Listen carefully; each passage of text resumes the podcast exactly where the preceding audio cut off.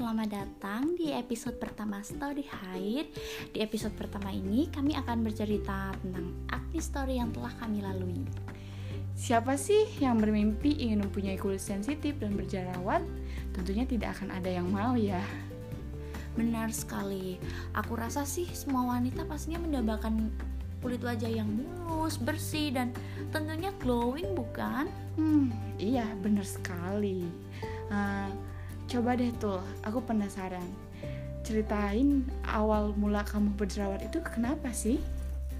Hmm, jadi gini nih Pep, awal mula aku berjerawat tuh mulai dari kelas 2 hmm. SMA uh, sampai sekarang ini kira-kira tuh berapa tahun ya aku berjerawat tuh ya kurang lebih tuh sekitar lima tahunan sih hmm. lumayan lama juga ya iya Nah itu tuh faktornya tuh berjerawat tuh kenapa sih? Kamu kayak apakah genetik, uh, apakah ada kesalahan-kesalahan menggunakan produk kayak gitu?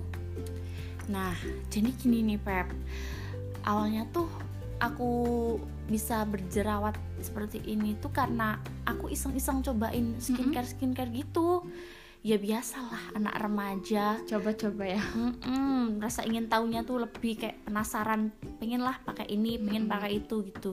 Lihat temennya yang glowing kan jadi pengen ikut pengen ikutan gitu. Oh, ikutan ya bu? Ikutan. Tapi apalah daya ternyata tuh tipe kulit aku tuh berbeda dengan temen aku. Nah hmm. jadilah berkembang biak si jerawat ini. Karena nggak cocok kan? Selain itu tuh ya ada faktor hormon juga yang mengakibatkan jerawat semakin menjadi menjadi bertahun-tahun ya. ini dan dari kamu sendiri tuh gimana Pep?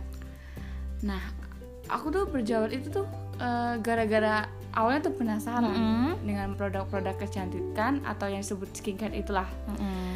Nah pakailah salah satu produk yang dulu hit banget dan mudah didapatkan di drugstore pokoknya. Oh iya btw uh, eh, aku pakai itu tuh kelas SMP guys. Mas kelas satu ya maksudnya kelas 1 SMP guys ya, malahan. tahu pakai pakai skincare tuh. Ya nggak tahu gimana tuh uh, dan ternyata tuh aku nggak cocok uh, hmm. selain itu dulu aku uh, minim pengetahuan kan uh, tentang skincare ya. kayak gitu.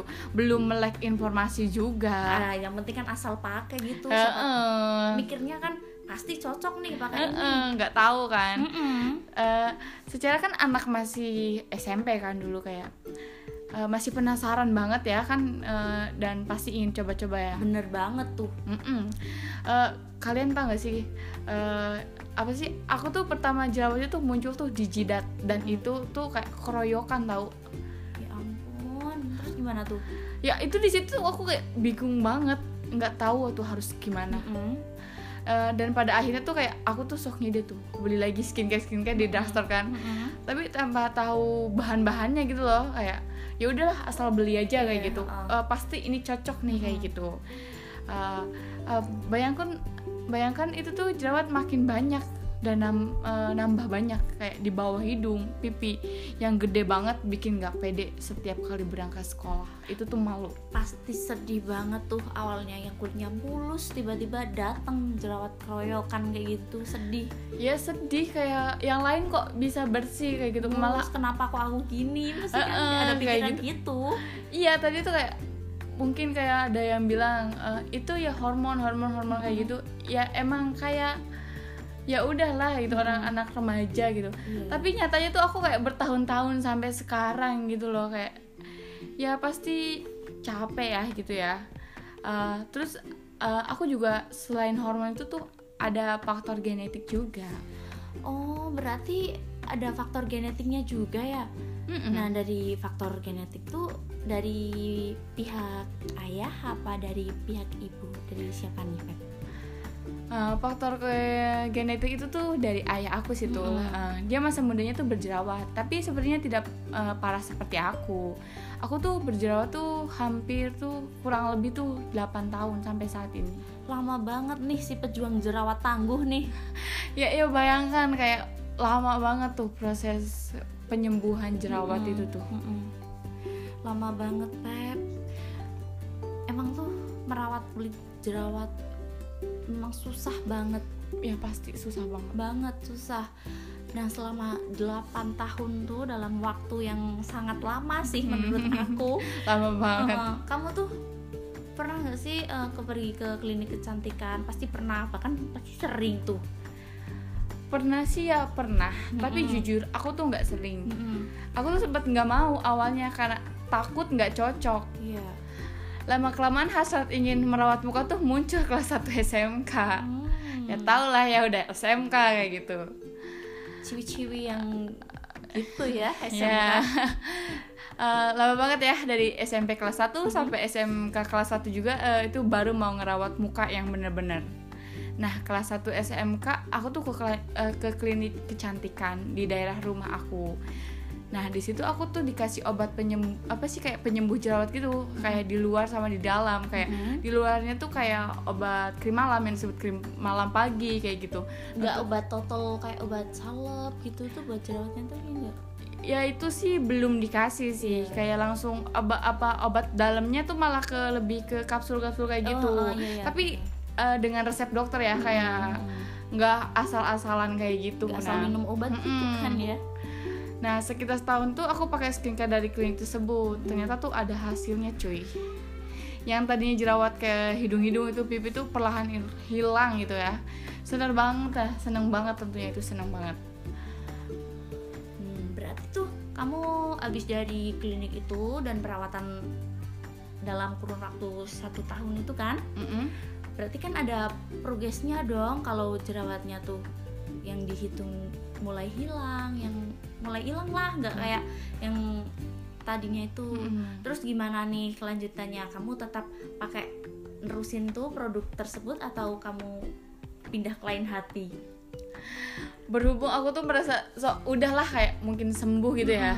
Aku pakai skincare yang lagi booming kemasannya tuh kuning hijau. Tau lah ya apa? Tahu banget tuh tahu, banget. Pasti itu ya udah langsung rame banget dulu mah itu. Pada zamannya. Langsung kayak tertuju skincare itulah kayak ah, gitu. iya, iya. Uh, apa sih kayak aku tuh lihat teman aku tuh kayak dia tambah putih tambah jerawatnya nggak ada itu aku tergiur dong ganti itu. Nah, tapi tergiur. ternyata itu tuh malah kayak memperparah jerawat aku lagi bayangkan tuh itu udah stres banget. Uh, banyak jerawat yang kalau dipegang itu kayak sakit dan -hmm. begitu pun kalau seperti uh, pas cuci muka tuh tetap sakit kalau di kayak mem, apa sih kepegang gitulah jerawat tersebut itu.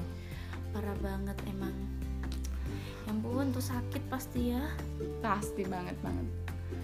Jadi tuh awal mula kamu berjerawat tuh seperti itu. Iya betul sekali itu berarti kan biasalah emang ya anak muda tuh suka banget tergoda dengan sesuatu produk-produk yang serba instan. Dan dari segi hormon tuh sebenarnya juga mempengaruhi dari genetik juga tuh mempengaruhi tuh iya. timbulnya jerawat apalagi tuh dari makanan yang kita makan itu juga sebenarnya harus diperhatikan sih harus itu karena biasanya tuh kayak ada pemicu jerawat tuh dari makanan-makanan kayak -hmm. gitu dan kayak mungkin debu juga -hmm. kotoran dan sebagainya ya hmm. nah kalau dari aku sendiri tuh ceritanya ya kurang lebih hampir sama Pepe kamu awalnya tuh iseng coba-cobain suatu produk skincare dan akhirnya nggak cocok lah di muka aku. Jadi banyak tumbuh pesat berkembang biak nih kayak lagi adain acara kumpulan ini nih. Banyak banget dah jerawatnya kayak gitu. oh, banyak banget parah deh. Uh, terus ada nggak sih tuh orang di sekitar kamu tuh kayak menyarankan buat uh, pakai aja nih bahan-bahan alami gitu? Aku juga soalnya cocok cocok cocok kayak gitu. Mm-hmm. seperti kayak jeruk nipis tomat kayak gitu gitulah wah bukan lagi tuh. Kalau orang-orang menyarankan kayak gitu mah ada banyak ada banget mah.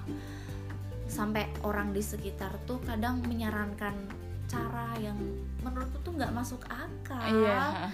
kayak diolesin darah men. Wah itu parah banget sih.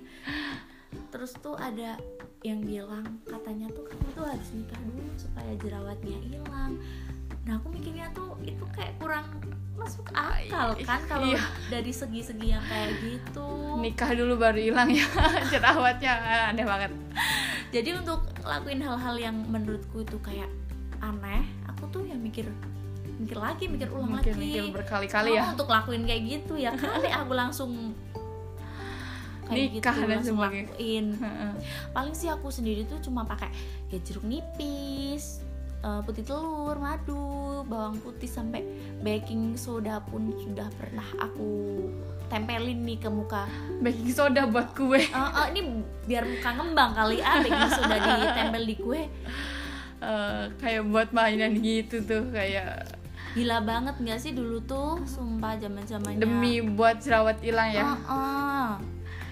Eh, ya semua kayak bener banget sih. Eh, aku juga pernah tuh pakai jeruk nipis tuh. Mm-mm. menurut kamu pakai bahan alam itu ngefek nggak sih di muka kamu? Eh, btw aku pernah pakai jeruk nipis itu ngefek banget buat jerawat yang aktif-aktif tuh kayak langsung kering gitu di kulit aku kayak gitu.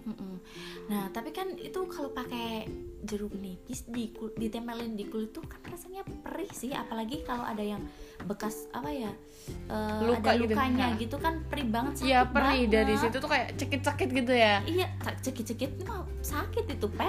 Heeh, kayak ya tapi tuh kayak ngefek banget kayak menurut aku tuh itu berhasil. Soalnya Mm-mm. tuh kayak kering gitu loh. Nah nantinya tuh. Kalau dari aku tuh ya eh, dibilang nyesel sih ya nyesel. Dulu tuh pernah iseng coba-coba produk itu pakai bahan-bahan yang ternyata tuh nggak boleh.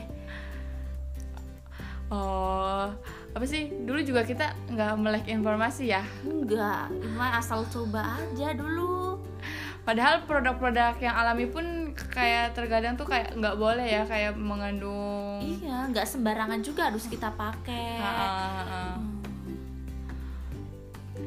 Uh, pernah dengar gak sih setelah kita melek informasi bahwa uh, yang tadi saya bilang itu ya uh, bahan-bahan itu emang katanya nggak boleh digunakan di muka ya Uh, kayak banyak dokter-dokter sekarang kayak gitu Iya. Nah, ini nih pesan buat anak-anak remaja khususnya acne fighter.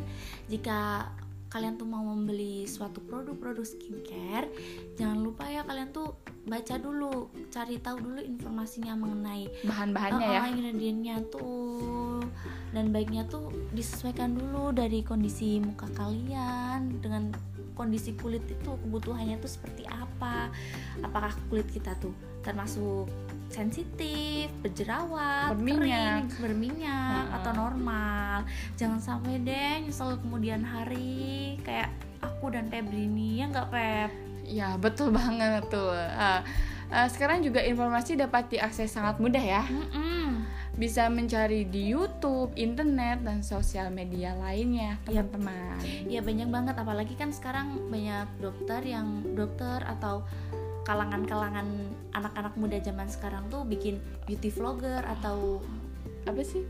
Beauty vlogger itu Iya. lah ya yang cerita Iya maksudnya kayak tentang skincare skincare iya. yang gini nih kayak make up make up juga ya tapi mereka juga banyak yang mengasih ngasih Informasi, tips-tips heeh. kayak informasi. Wah gak kerasa nih tuh kita bahas acne story ini ya. Mm-mm, kita ya sh- sharing tentang awal mula kenapa sih bisa berjerawat ini. Ya semoga juga uh, teman-teman bisa tahu lah kayak gitu ya. Mm-hmm. Setidaknya kalau membeli suatu produk skincare itu harus tahu dulu bahan-bahannya sesuai apa sih muka apa sih keadaan muka kita ya. Kebutuhan kulit kita itu seperti apa. Terima kasih ya uh, pendengar Story Hair. Stay tune di episode berikutnya kawan. Bye. Bye.